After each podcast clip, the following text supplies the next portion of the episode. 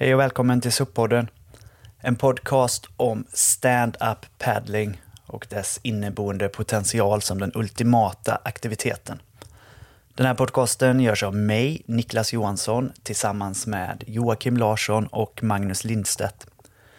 Den görs dessutom i samarbete med Kona Sports som är Sveriges ledande SUP-varumärke. Ha en trevlig lyssning.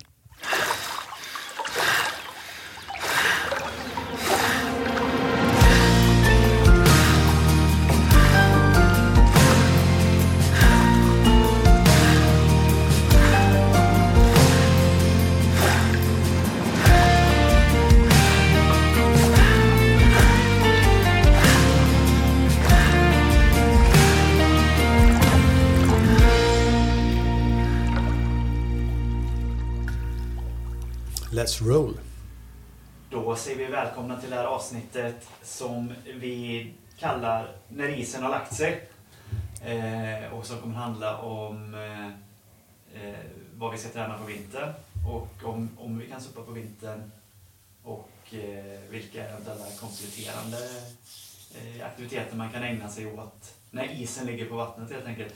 Jag har ju faktiskt för nästan ganska exakt ett år sedan sett dig Magnus försöka isbryta, eller vad man ska säga, på Motala ström. Vilket eh, nästan resulterade i en så kallad Superman över, över fören. Precis. Eh, vilket skrov är egentligen bäst för isbrytning? Är det, det är ett placement? Ja, för isbrytning, men eh, det är frågan om inte det eh, planingsskrov är att föredra där för att, med risk att man hamnar ovanpå isen. Då.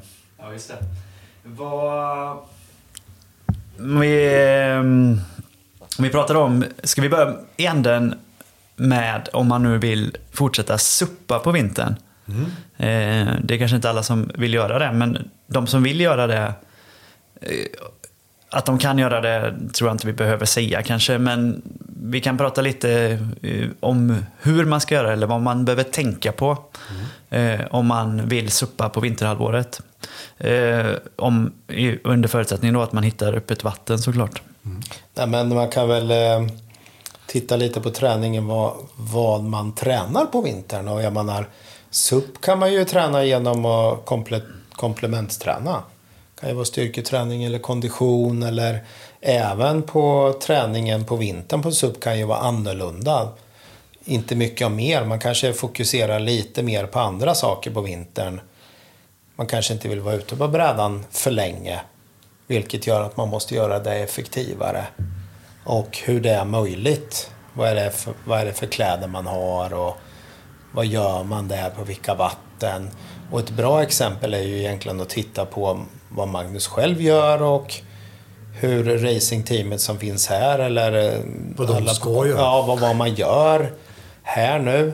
Och kanske hur deras säsong ser ut med eh, hösten eh, och sen så går man in i någon form av vinterperiod och vad man tränar och sen så förbereder sig för att liksom komma ut på våren och göra en bra entré. En snygg entré helt enkelt på våren.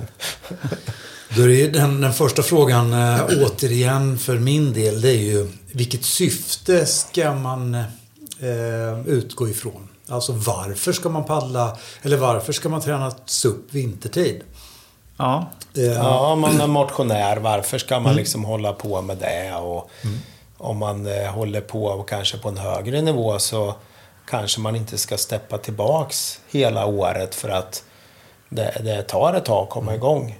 Så Precis. att bibehålla hela nervsystemets aktivitet under hela vintern. Men jag menar, det, ibland så är det ju helt omöjligt. Men då finns det kanske andra aktiviteter som liknar upp som gör att man kommer ut bra på banan. Ja. Och det är väl, jag tänker man exempelvis då All utveckling är ju det som hjärnan känner sig trygg av. Det gör också att vi känner oss trygga som sagt i, i, eh, i ett större sammanhang. Och det innebär ju att om vi blir bättre på SUP genom annan form av träning så har ju hjärnan insett en utveckling hos oss. Och den blir den trygg av. Mm. Så att alla förbättringar och så vidare, alla, vad ska man säga, att vi har ett mål att sträva mot. Det är också en del av att vi faktiskt kan se de här förbättringarna. Och därigenom så blir det också effektivt. Eh, För min del eh, så är ju att träna för ett, fram, ett framtida scenario, eh, det är väldigt diffust. Att till exempel träna för att när jag blir pensionerad ska ha en bra hälsa.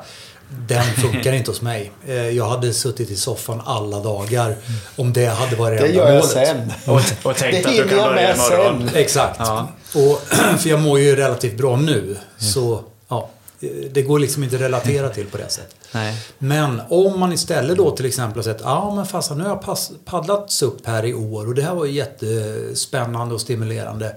Nästa år vill jag kanske ställa upp ett motionslopp.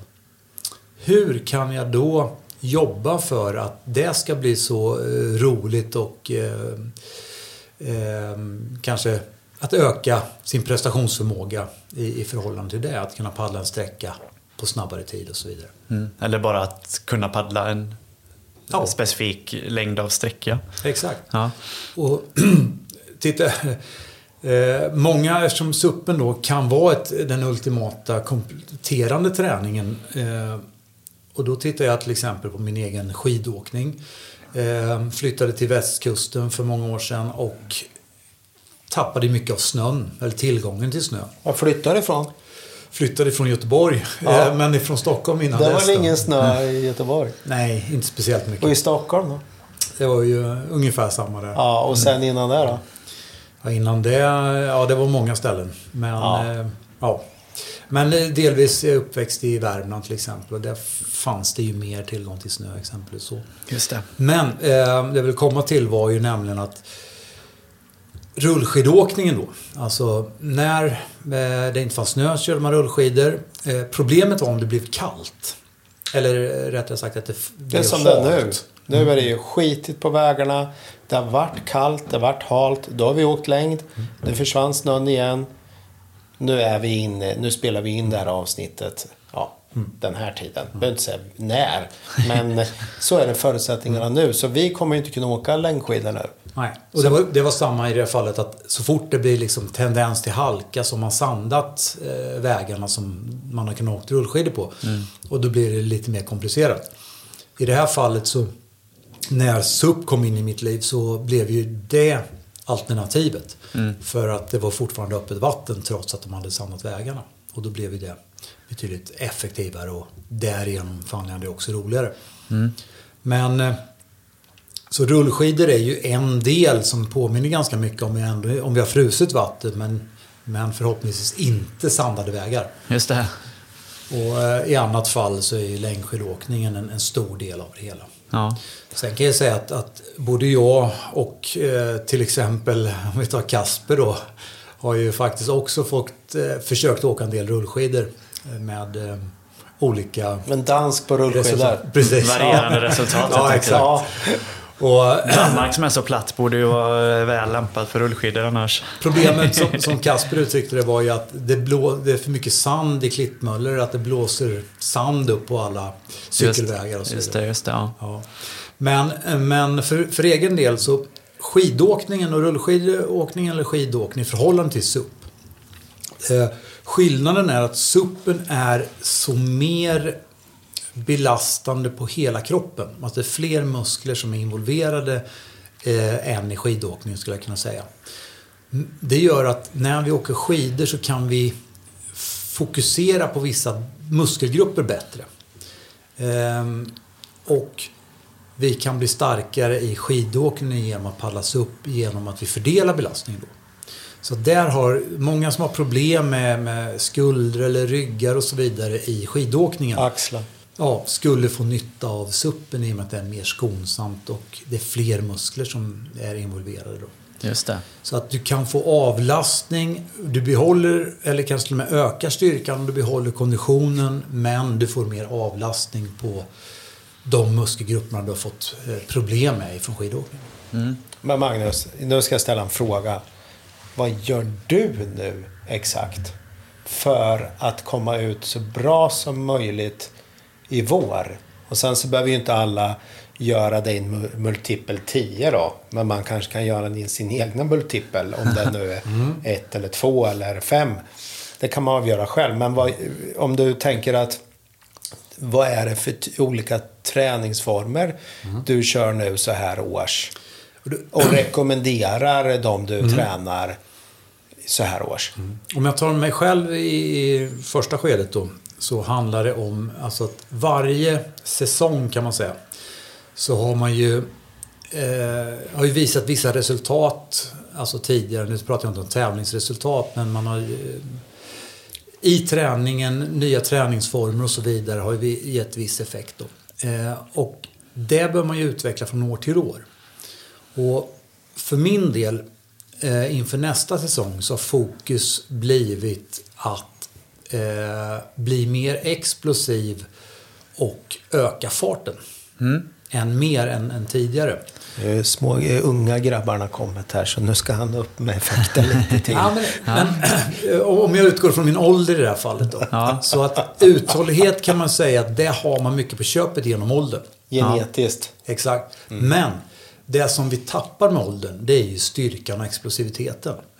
Och för att fortsatt vara, eh, eller kunna prestera utifrån vad man nu själv vill, eh, så måste vi upprätthålla den delen. Alltså maxstyrka och explosivitet.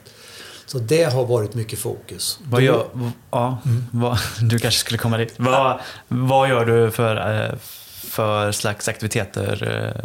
Ja, det, det, det som man ser och i många fall då som man eh, har stor nytta av det är ju att kunna aktivera hela kroppen i ett och samma skede.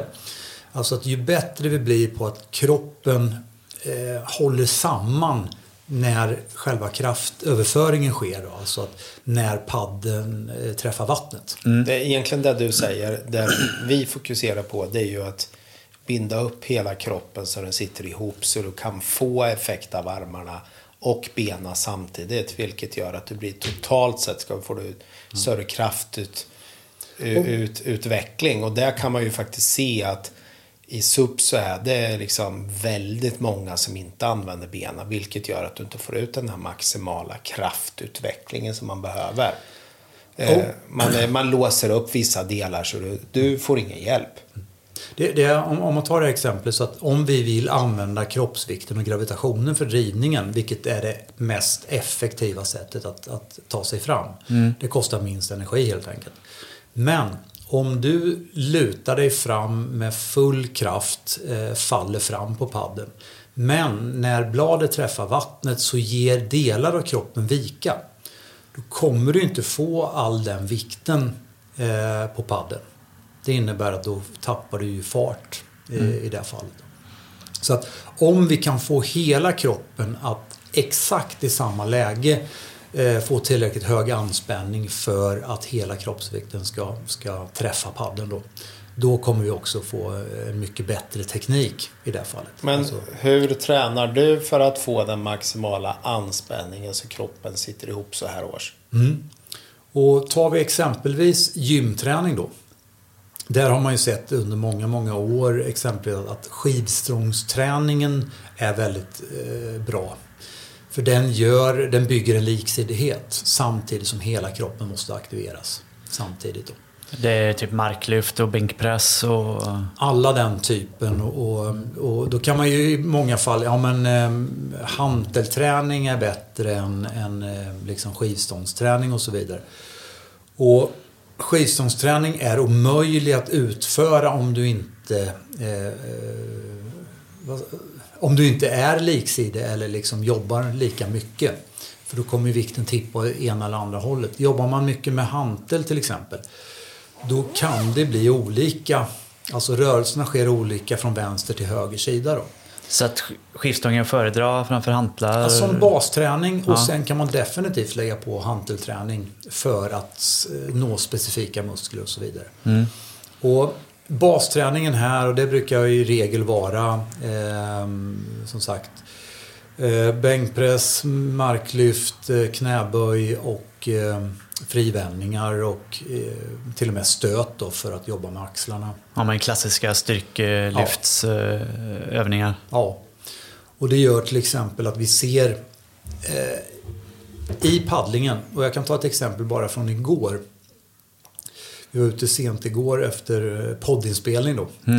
Och då blåste det ganska bra så att ena riktningen var motvind och motströms och den andra var medvind och medströms då. Är lite trevligare eller lättare i det här fallet. Men ganska snabbt kände man en viss belastning på höfterna. Eller jag kände en viss belastning på höfterna, alltså slash värk.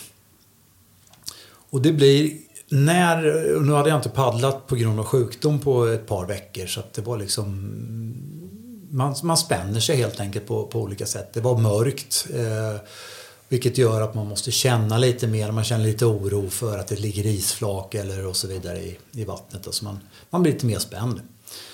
Helt plötsligt så börjar man reflektera över det man normalt brukar göra och det man ska göra på en SUP-bräda för maximal effekt.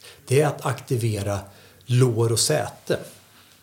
För det gör att när du aktiverar liksom låren och sätet så gör du brädan väldigt, väldigt stabil. Och när du då faller fram på paddeln så får du med dig brädan än när vi lägger all den här stabiliteten på höftpartiet. För då kommer brädan alltså rolla från sida till sida och så vidare och du får mycket sämre kraftöverföring då. Mm.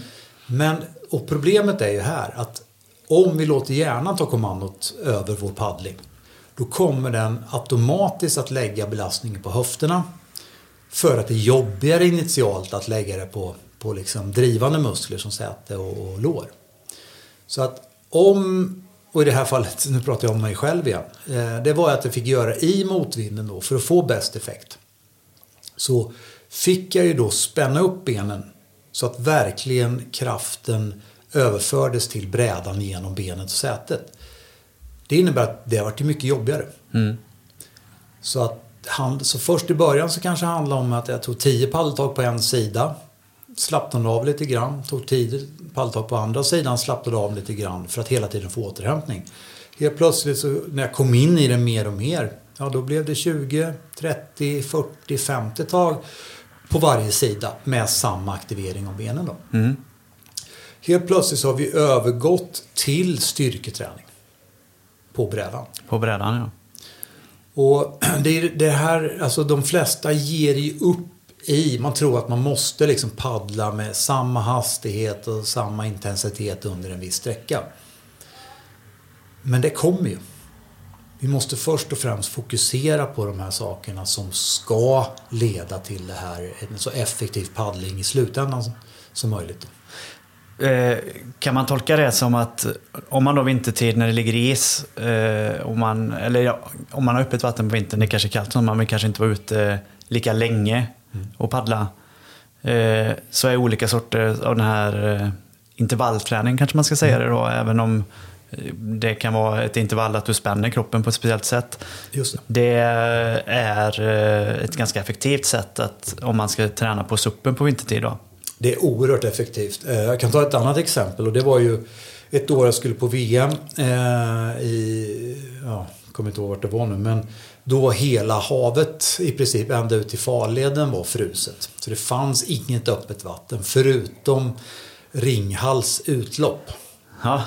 Kärnkraftverket i, i Halland där. Eh, så där hade jag några hundra meter med öppet vatten. Och det var ju perfekt. Det var jag och alla sjöfåglar som samlades där. Men Eh, det gjorde att en smal ränna eh, med öppet vatten och motvind då. Så då paddlar man med olika intensitet i, den här motvinden och sen så blåste man tillbaks helt enkelt. Fick vilan där. Och sen så gjorde man samma sak. Så att, men den ytan eh, var ju fullt tillräcklig för att få ett så bra träningspass man, man önskade. Just det. Eh, Spännande. Jag vill bara dra tillbaka lite till det resonemanget du hade om skidor tidigare. Då, hur, hur SUP, eh, på vilka sätt SUP kanske är en bättre träningsform än skidor. Men vi pratar ju om vad, eh, också, vi har pratat om eh, skivstänger och hantlar, men alltså alternativa träningar. Om man har SUP som, som sin sport, mm. skulle man kunna vända på resonemanget där med skidor? Att skidor är ett bra komplement till SUP vintertid? Mm. Exakt.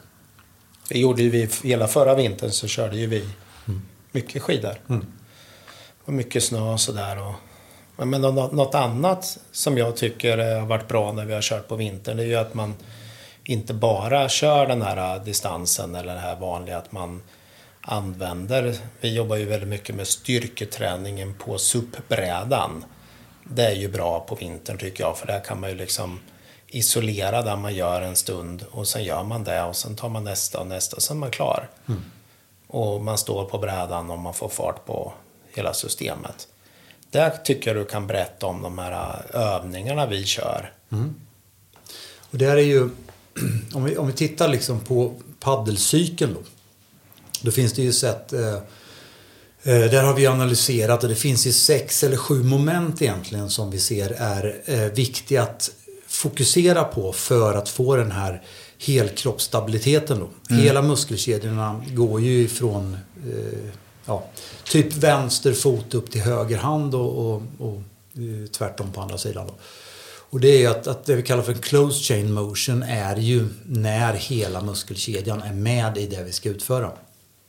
Och då ser vi också att är vi svagare i någon del av kroppen så kommer vi tappa effekt. Och tittar vi på, på paddelcykeln och hur vi har delat upp den då. Då pratar vi först och främst om någonting som vi kallar för bröstpaddling. Och det är egentligen, om man tänker att man håller i en SUP-paddel. Den övre handen eh, på handtaget helt enkelt på, på paddeln. Den ska drivas rakt ner med hjälp av eh, stora bröstmuskeln, pectoralis eh, eh major. Och då kan vi när vi paddlar bara fokusera så kraftfullt som möjligt trycka ner eh, paddeln med, med stora bröstmuskeln. Och det här kan man också då eh, det här kan man göra övningar på gymmet eh, som motsats man har en dragmaskin helt enkelt eh, med en vajer då. Och då kan man bygga upp maxstyrkan i det här också. Så att där kan du kombinera med paddling och gymträningen då. Just det. Nästa del i det vi har sett då, det är vi kallar för ryggpaddling. Och eh, det är latsen det handlar om. Eh, latissimus dorsi där. Och det är, då paddlar vi med den undre handen. Att om man tänker sig att den undre armen är sträckt i armbågsled när bladet träffar vattnet. Så kan man tänka sig att med, med rak arm då dra hela den armen bakåt, neråt bakåt helt enkelt. Så fokus blir i nästa övning att bara fokusera på den undre armens arbete. Eh, Så det är en del av det vi kallar för Nordic stroke, att få med hela kroppen och jobba med, med tyngdpunkten då. Så man isolerar egentligen något av de här stegen i sex eller sju stegen i paddeltaget Ja. och, och fokuserar på den. Och det kan man ju då eh, alltså göra på gymmet, alltså eh, simulera på, på gymmet då. För alla de olika eh, delarna i paddeltaget kan man hitta gymövningar för alla sex, sju stycken. Mm. Och vi körde ett sånt pass i, i, igår kväll eh, efter eh, paddlingen då. Ja. Och nästa då det är ju armpaddling då. Och armpaddlingen är ju en del eh, utav det här som vi kanske inte använder när vi är uppe i fart. Men för acceleration och när det är grunt, när vi inte kan få ner paddeln så djupt i vattnet då. Då blir det ju som den gamla kajakpaddlingen då att dragpress. Att med den undre armen så drar du bakåt. Alltså jobbar med biceps där. Och drar bakåt bara. Mm. Böjer armbågs. Exakt. Ja. Istället för att fortsätta med en rak eh, sträckt arm neråt så, så böjer och drar med, med biceps. Då. Och det gör att, att eh, sen växlar man ju det här till, på, till varje höger och vänster sida helt enkelt. Då. Eh, Den fjärde delen är ju det vi kallar för magpaddling. Och det är att precis i det vi kallar för, för setup-fasen eller förberedande fasen. Det är precis hur kroppen ska eh, ska ordnas exakt innan isättet, alltså innan bladet så bra som möjligt träffar vattnet. Det gör att vi extenderar bålen, alltså vi, vi lyfter upp hela bålen, sträcker ut bålen, alltså så att nästan om vi tänker att ryggraden blir längre. Och sen böjer vi oss framåt så att bladet träffar vattnet. Då aktiverar vi magen, stora magmuskeln helt enkelt, att dra ihop kroppen, precis som en sit-up. Då kommer vi också eh, få hjälp med att delvis stabilisera upp ryggen men även att driva eh, brädan framåt då med en av kroppens största muskler. Just det. Och den är ganska lätt att träna på gymmet också. Eh, här kan man ju antingen göra någon typ av sit-up-varianter men vi gör den ofta stående i en dragmaskin kopplat ett paddelskaft till den här dragmaskinen. Då. Ja. Och isolerar bara, på ma- bara magen. Då. Eh, här är ju, det är ju därför skidåkningen är suverän eh, alltså som komplement till SUP då.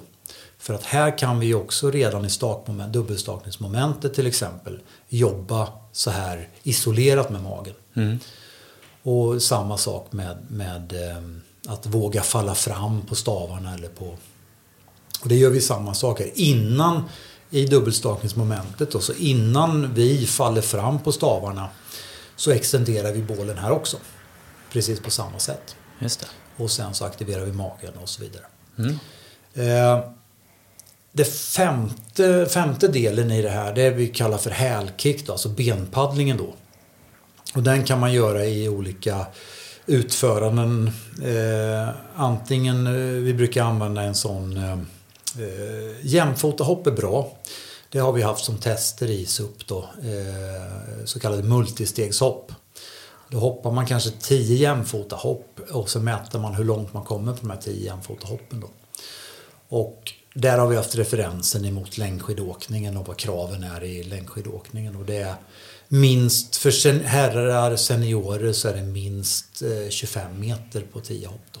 Och här kan man också om man vill göra både eh, enbenshopp och, eh, och eh, ja, jämfotahopp. Jämfotahopp helt enkelt. Ja. Ja. Och här har vi ju, vad heter maskinerna man sitter ner, alltså en benspark. Ja. De maskinerna är ju, är ju bra för att, att liksom isolera just den rörelsen också. Just det. Den sjätte delen då, det är vi kallar för höftpaddling.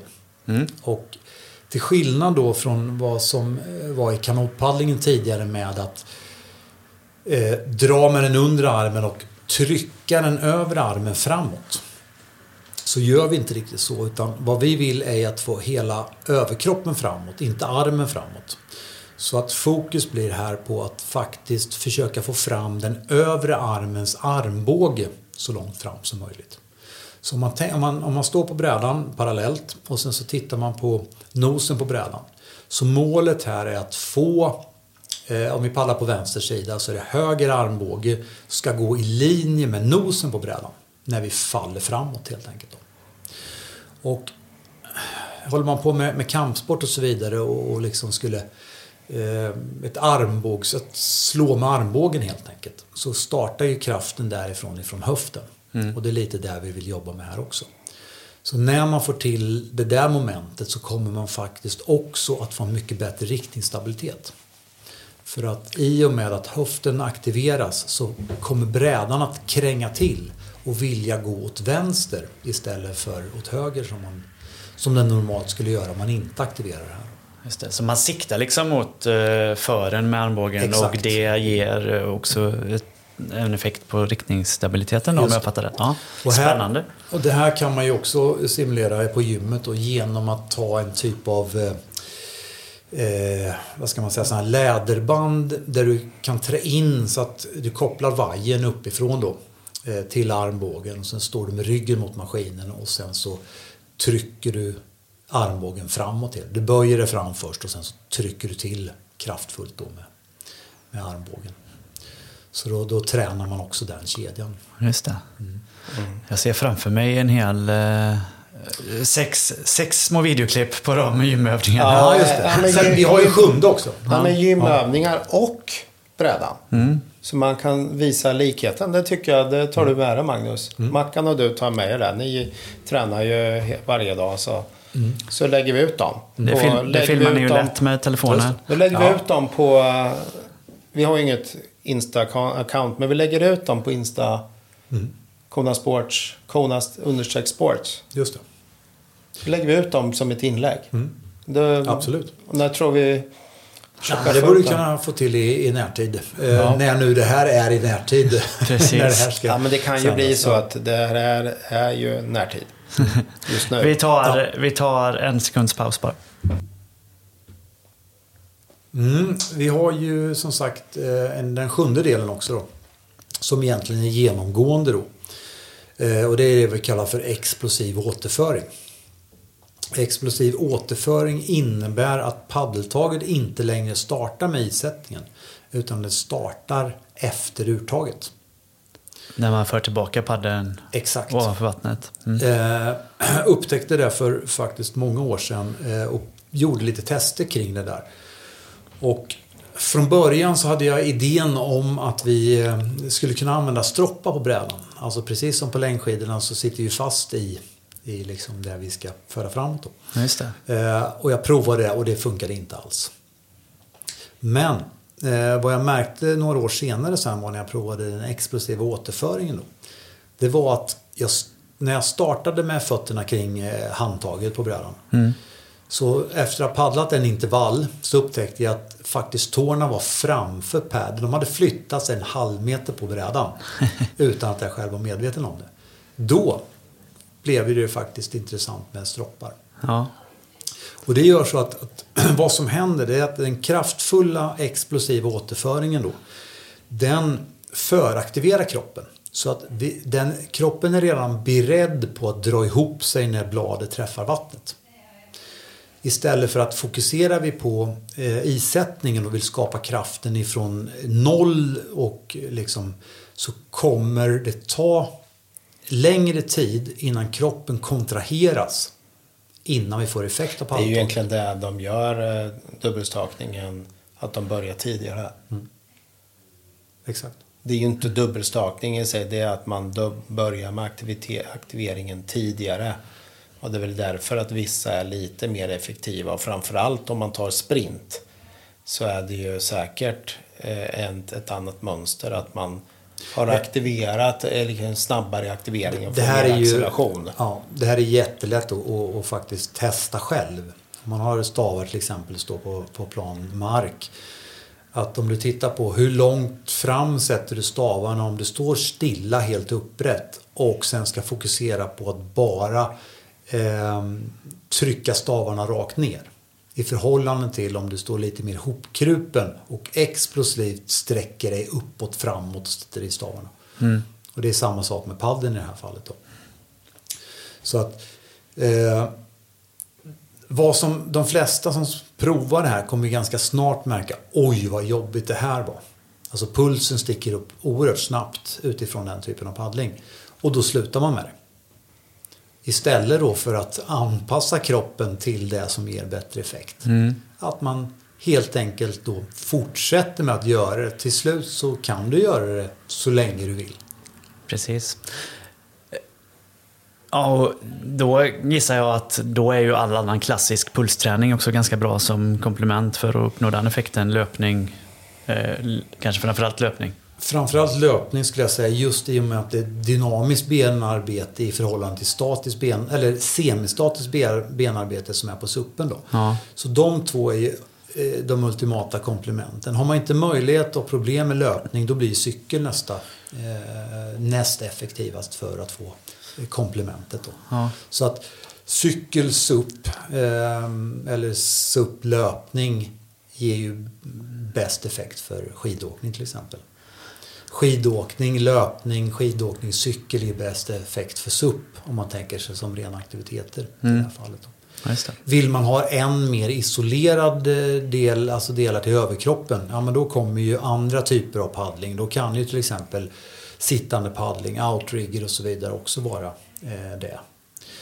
Eh, men tittar vi på att just det här med kroppen igen då. En annat, olika typer av ergometrar funkar ju väldigt bra för SUP också. Om vi tar eh, skierg, stakergometer då. Eller roddmaskin.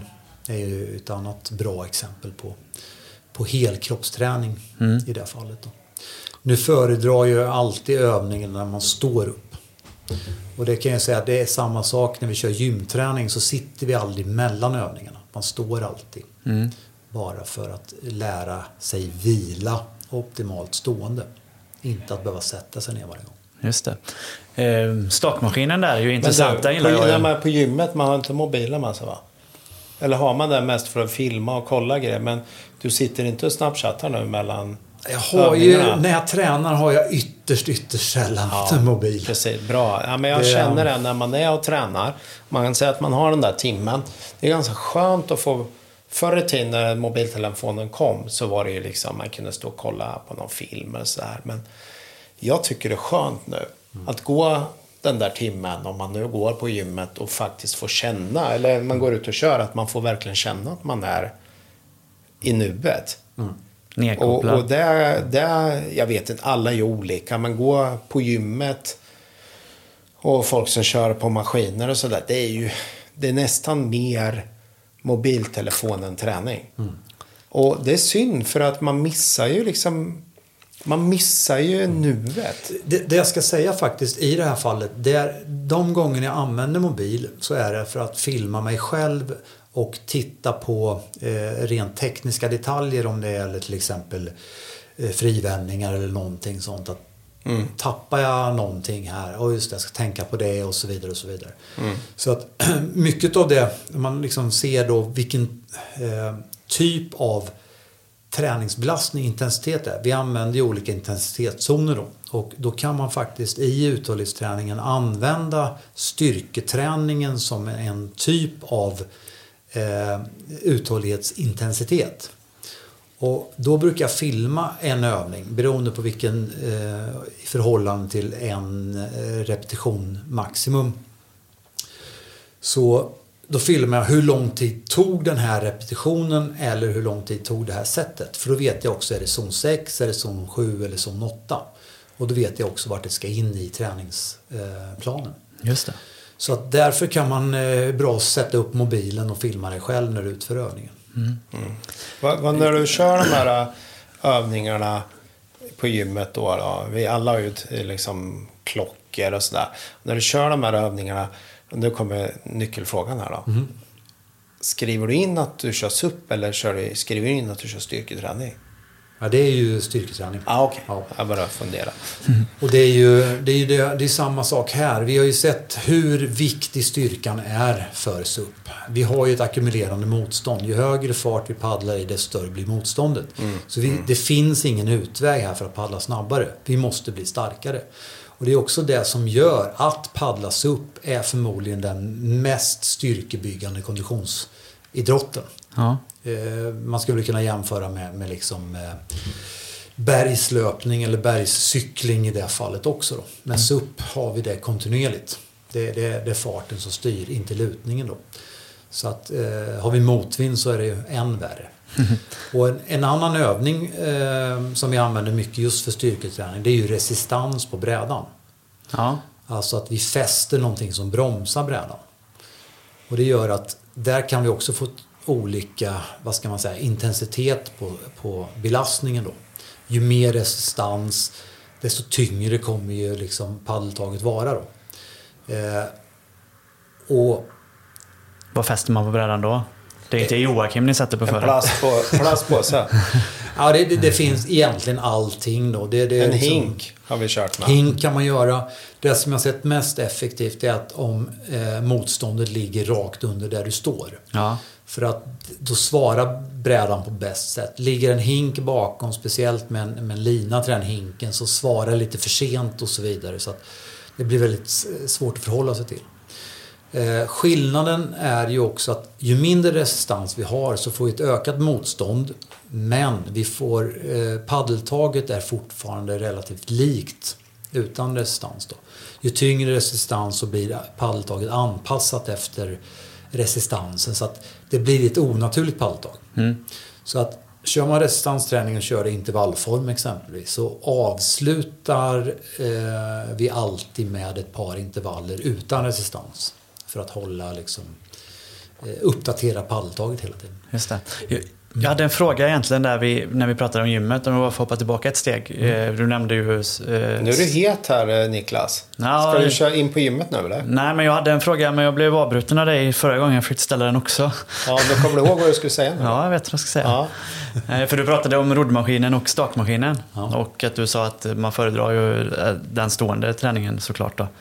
Eh, och stakmaskinen är ju gjord för att träna skidåkning egentligen. Men man kan göra mycket andra övningar i stakmaskinen också. Finns, det, finns det speciella övningar eh, Ja. som är eh, lämpliga för, Här- för, för träna paddeltaget helt enkelt? Ja, och det, det är ju det, är det intressanta här. Alltså det finns flera som har gjort om sin stakmaskin till en, en SUP-ergometer. Man har sett, satt ett, eh, ett linhjul längre ner så att eh, man har ett paddel, kopplat paddelskaft till den och drar bakåt istället för neråt. Då. Ja, just det. Men om vi tittar Det på kräver att man har sin egna stakmaskin då kanske? Ja, det är inget exakt. de uppskattar om man gör i gymmet. Nej, men, men det är ingen egentligen större åverkan på maskinen i, i det här fallet. Så det skulle kunna gå på gymmet också. Då. Ja, Men, men om du har en offentlig stakmaskin att förhålla dig till så då kan du ju antingen connecta båda linorna till en sida eller också bara använda den ena sidan. Och till exempel då om du står eh, i stakmaskinen eh, då tar du höger hand på vänster lina. Då kan du till exempel jobba med bröstpaddlingen att aktivera övre bröstmuskeln då genom att bara dra ner vänster sida fast på, alltså med höger arm då. ja. Så att det blir mots, eh, motsatt sida av kroppen. Ja, ja. Tillika som om du istället då, nu går vi tillbaka till den gamla staktekniken i längdskidåkning då. Att helt plötsligt istället för att nu jobba med böjda armar och eh, få eh, stavarna så nära kroppen som möjligt så, pa, eh, så jobbar du med stakmaskinen med raka armar. Mm. Och då får du ju, då tränar du liksom ryggpaddlingen då, eh, latsen och, och så vidare. Just det. Och sen naturligtvis kör du som vanligt så med båda så aktiverar du magen på bästa sätt Ja. i det här fallet. Finns ju sådana maskiner som eh, SUP-maskiner. Och, men oftast, vi har ju en egen här. Vi har ju byggt en egen. Så här, de tränar ju ganska hårt i den också. Lite, det gör vi ju faktiskt. Och där har vi det som är speciellt med den. Det är en, eh, där kan vi mäta krafter och alltihopa. Men framförallt får vi med benen. Så vi mäter kraften i benen. Så det är ju där härifrån liksom hälkicken kan komma på vintern. Den är svårt att få till i en standardmaskin. Så vi har ju den står ju här så på luncherna går vi, går vi och ställer oss 10 minuter. Då är vi färdiga för den dagen. Nej men det, det är väldigt... Eh, Men det är en Det- specialbyggd det- maskin ni har. Det finns inget, det går inte att få tag på någon annanstans. Nej, inte just nu. Men, Får man köpa gymkort till Kornas kontor helt enkelt. ja, men det som är intressant är ju... Det finns ju en förhoppning, klart, att vi ska göra den där. Men det som är intressant är att de där 10-15 minuterna. Det är helt sjukt hur mycket träning man får på de där. Och den är lite instabil också så du måste hålla lite balans. Inte så instabil som en, liksom en rörlig SUP-bräda men det är intressant att eh, det ger så mycket effekt. Ja, verkligen. Eh, Kom på en annan grej. Vi gick aldrig igenom explosiv återföring på gymmet då. Nej, det gjorde vi inte. Och då står man med, också mot en dragmaskin med eh, vajern nerifrån. Så att stå med ryggen emot eh, mot eh, maskinen. Och sen så håller du i handtaget med exempelvis höger arm då. Då, ska du, då böjer du lätt på benen. Precis som du gör på, på brädan. Och sen samtidigt som du sträcker kroppen så ska du dra med rak arm eh, vajern framåt. Förstår du vad jag menar? jag tror Då att jag förstår åt- ungefär. Då gör du återföringen. Du reser samtidigt som du håller armen rak. Och då Mm. brukar Så vi simulera framåt. med att eh, hålla motsatt arm då som du skulle hålla paddeln. Alltså eh, ovanför huvudet. Ovanför, eh, precis ovanför eh, armen då som du ska Ja, återföra. just Helt det. enkelt. Men som sagt förhoppningsvis så får vi en film snart som möjligt här på hur det ser ut. Ja, Ja, det tyckte- tycker jag. jag ty, ja, men det, det kommer. Men jag tyckte det var kul här om veckan. Då. Vi kör ju fortfarande SUP här ute i viken. Men sen kom ju isen. Och sen så... Vi har ju en jättefin testbana, en sån här dubbelsidig testbana som ligger och kör runt de bojarna. Men nu såg jag några bojar då på andra sidan viken. Alla. Alla, de har åkt iväg med isen. Så nu ska de, hoppas det liksom ger sig, få åka och hämta dem där igen. Ja, nu är de frilagda så nu kan vi plocka upp alla. Banan har blivit lite längre. Den har blivit lite osymmetrisk också. Osymmetrisk, ja. Eh, Ja, just det. För det, ja, det kan man också göra om man ska paddla intervaller på vintern, så jag, mellan, mellan bojar, vilka bojar man nu kan hitta. Ja, och det, och det är ju som sagt att vi behöver ju inte speciellt stora avstånd på vattnet. Det kanske räcker liksom med 50 meter. Det är fullt tillräckligt för att få ett, ett av de bästa pass du kan tänka dig. Så att större yta behöver vi egentligen inte för SUP. Nej, men om man ser rent tekniskt som träning så är det ju... Går ju ganska fort att göra träningspass. Ja, ja. Och eh, det är ju... Vi har ju det här återigen. Man sover alltså- bra efter. Och det, det är ju jämförelsen då om man tittar på SUP så är den ju förmodligen ungefär tre gånger belastande jämfört med skidåkningen då. I och med att vi har viloperioder och vi har högre, alltså det glider lättare på längdskidorna. Och jämför vi med cykel så är det fem gånger och jämför vi med löpningen så är det dubbelt så, så effektivt. Så man kan ju egentligen, när man är duktig på att träna sig upp, behöver man ju inte träna. Du behöver inte hålla på en timme. Nej, nej, nej. Du kan gå ut och köra 20 minuter och du ska veta att du är färdig då. Du behöver inte köra en timme. Och det, det, det är Och- jag kan säga att för de flesta då, speciellt om man är ny i SUP, så är det för komplext. Det, det är inte komplext, men, men eh, i början så blir det komplext. Så man måste fokusera på varje enskild del. Och det gör att en timmes paddling faktiskt eh, gör att vi tappar tekniken. Vi håller på alldeles för länge för att få en utveckling av tekniken. Då. Det innebär att i slutändan så kommer vi bara göra om energi. Men det innebär att vi kommer bli bättre. Vi kommer orka hålla en dålig teknik längre. Mm. Eh, det kan jag ju göra ett input då som, som SUP-motionär. Eh, när jag är hemma eh, vår och höst eh, där jag själv bor så då gillar jag att paddla lite längre, en timme, en och en halv gärna. Dels för att jag har tagit mig till sjön med bilen och eh, jag har bytt om och allt det här. Och, men också för att få naturupplevelsen och sånt på sjöarna. Men på sommaren eh, när jag ofta är hos mina svärföräldrar som bor vid vattnet så att eh, suppen ligger på tomten och bara är att putta ner i vattnet. Då är det det bästa som finns att köra tre sådana här små 20 minuters pass per dag. För att om det är sommar, man leder ju också och man kan peta in det. När är maten klar? Om en halvtimme. Jag hinner 20 minuter mellan bojarna. Det är, det är väldigt tillfredsställande. När man har den korta ställtiden och man inte behöver ha något annat än shorts på sig och det är varmt i vattnet. Då är det ju de passen superlätta att få till. Ja. Och väldigt, väldigt tillfredsställande alltså. Ja, just det. Man är helt sen, slut sen ska efteråt. man ju prata, eller vi måste, får ju säga liksom att det är återigen syftet. Vad är syftet med att du ska paddla? Mm. Inte syftet att utveckla teknik utan för att njuta av naturen så Ja, är det ja. fullkomligt Nej, men ointressant det är ju elementet. vad du gör i det fallet. Elementet, kombinationen är ju det. Så det är ju roligare att vara på brädan än att vara i gymmet. Ja, ja. Eh, Men, även om man, gymmet, även om man paddlar... gymmet, gymmet behövs om man...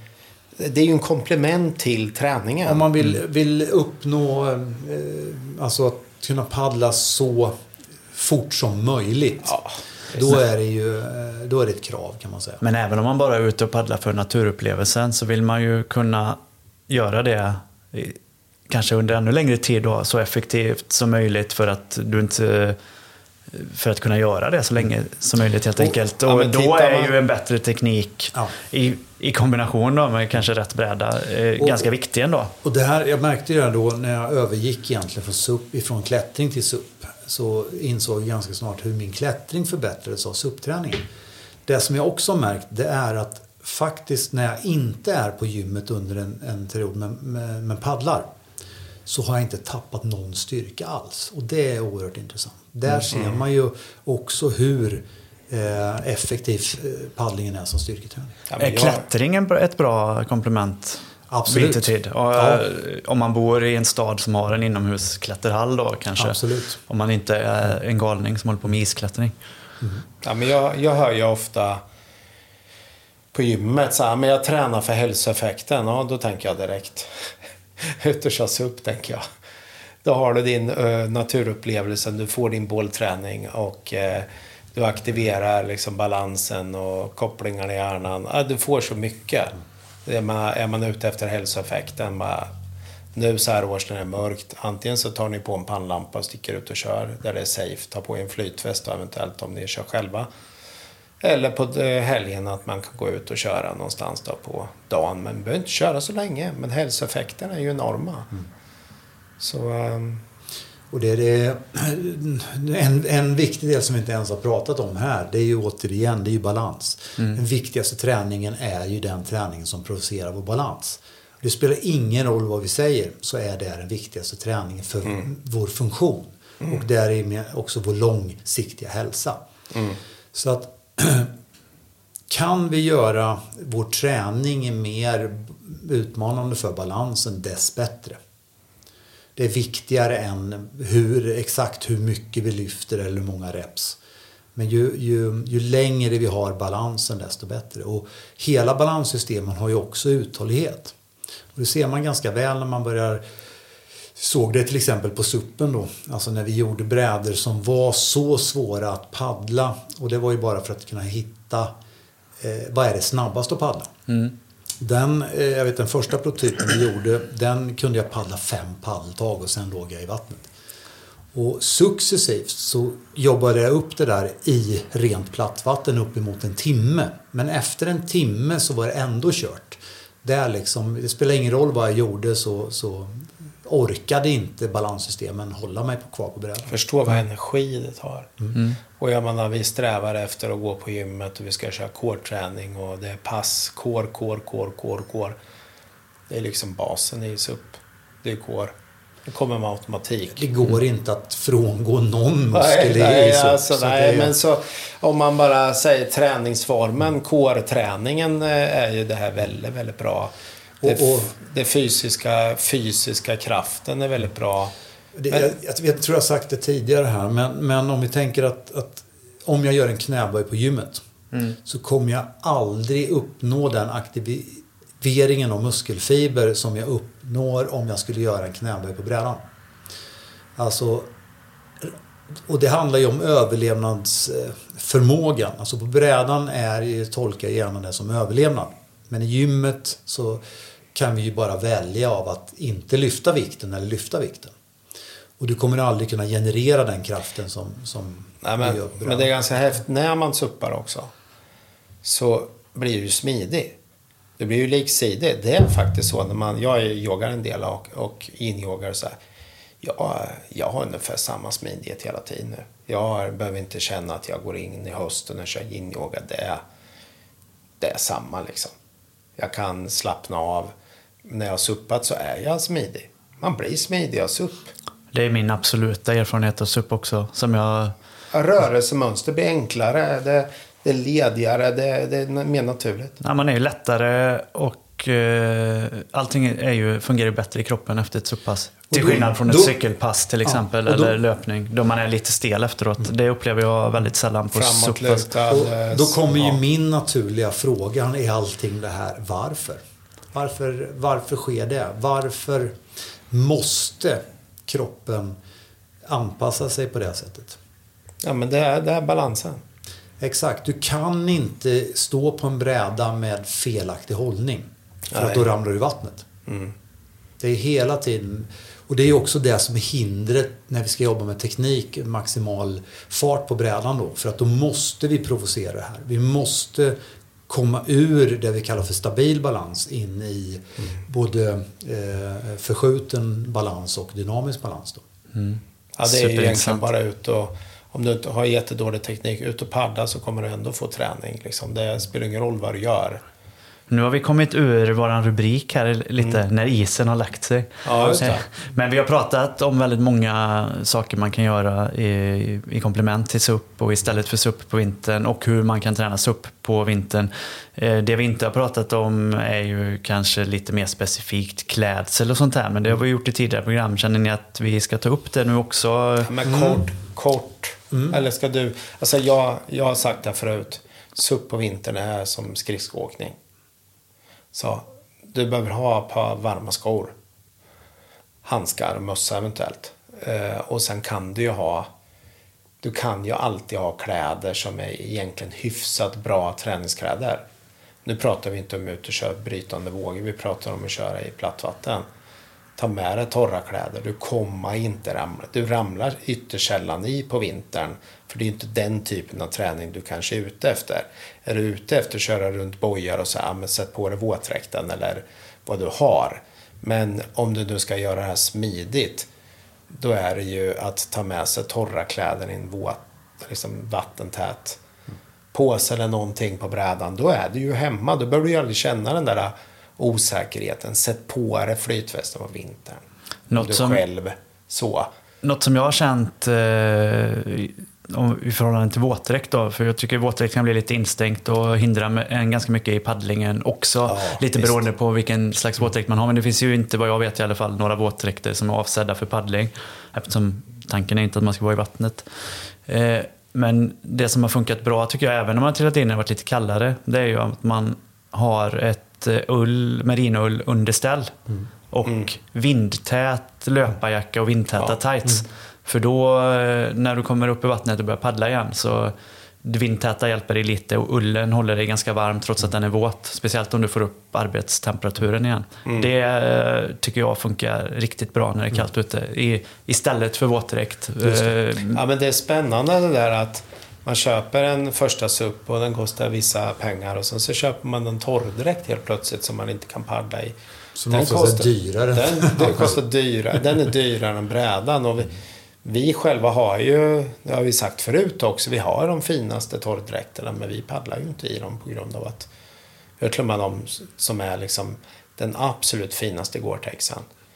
Men vi kör ju fortfarande liksom... Och till och med tvådelade. tvådelade supertorrdräkter. Men jag kör om, om jag ska utmana mig extra, men då kanske det är en tunn våtdräkt. Long john. Eller rent av sagt längdåkningskläder eller något sånt som du sa. Att det är vindtätt upp till. Smidiga kläder som är lätta att röra sig i och som inte suger åt sig för mycket vatten. Och torrt ombyte, Ja, helt enkelt. ja. Det är våra tips. Antingen jämte eh, som och, man kan komma och dit. flytväst tyckte du också Joakim. Ja, men vi, vi jobbar med ett Vi har jobbat hårt här nu så till våren så släpper vi lite nya typer av sådana här äh, västar är tanken då. Ehm, så det, allt handlar ju om om man är två eller en eller vad man har för liksom, hinder att man vill ha flytväst. Ja, men då får man skaffa det. här. Vi kör ju både med flytväst och inte flytväst. Det beror ju på om vi kör själva eller inte själva. Eller. Vi, skaffar, vi har pannlampor på vintern för att man ska kunna se. Fantastiskt. Eh, fantastiskt att köra med pannlampa på vintern. Och det, där man, just den här årstiden då, så är det ju ganska ljust. Och ju mer snö det är, desto mer ljusare är det även på, eh, på kvällen och så vidare. Och det gör att eh, man upplever, det, det är fullt möjligt att paddla eh, när det är mycket mörkare. Eh, eller när det är mörkare än vad man tror. Det har jag också upplevt. Så det, det, det också det kan ju vara en grej att wow, det går faktiskt. Det här Det är ser ju ju- precis lika bra. behöver ju oftast inte ha, är du inne i centrala Motala här så behöver du inte ha någon pannlampa. Nej. Det lyser ju runt omkring dig så du får ju det här mörkerseendet. Vilket också triggar ditt balanssystem med mörkerseendet. Så jag menar, det är många sinnen som slås på. Och det, gå in i en ljus lokal och sätt dig i en gymmaskin och dra precis i annan rörelse. Eller ställ dig på suppen utan lampor och få alla de här intrycken. Ja, vad är, blir den bästa träningen? Det är ju, är ju självklart va. Men vi tror ju att den där andra bästa träningen, att isolera muskeln, köra en muskel, köra på de här bicepsen och tricepen och få en obalans där överkroppen är mycket större än underkroppen och så vidare. Så, vi måste ju titta, vi måste vara, vi måste fokusera på egentligen vad är syftet? Syftet är ju att använda din kropp och vara funktionell. Det är ju egentligen 99% av dem vi sänder till. Det är ju dem. Plus att vi nu råkar ha väldigt mycket erfarenhet av den här eh, liksom, och- tunga liksom, träningskunskapen. Och den, den största effekten får vi ju faktiskt, eh, alltså den största träningseffekten får vi ju faktiskt när vi gör någonting som känns obehagligt från första början. Ja. Just det. När vi vågar ta det steget. Det släpper på alla nivåer hos hjärnan helt enkelt. Ja, det är ju, det blir, det, hjärnan släpper ju några endorfiner vad jag förstår. Så man får ju lite lyckorus när man gör nya saker. Jag har ett, annan, en annan, ett annat tips vad man kan göra på vinterhalvåret när isen ligger. Det är att kolla på SUP-film. Just det. Ja. Eller? Ja. Supfilm. SUP-film? Ja. Nej men eh, det finns ju, det finns säkert på YouTube tror jag, från den här tävlingen ni var med i Danmark. Eh, Midsummer Viking. Det finns ju otroligt häftiga filmer från eh, den andra Red Bull-tävlingen i USA som heter eh, Heavy Water. Heavy, Heavy Water. Eh, ja, men det är ju riktigt roligt att kolla på Ja. vad, vad de som är absolut bäst i världen kan göra på en SUP-bräda. Eller ICF, Canoe Federation. Ja. Där man kan gå och kolla VM i både Kina och i det som var Ungern. Mm. Nej. Eller eh, kolla in outleten på Kona Sports. Kan så man vet vad man ska ha för bräda nästa år. Ja, precis. Ja, man, eh, man kan vi kan, eh, ni kan byta in era den ni har och köpa något annat. Jag menar, eh, allt är möjligt.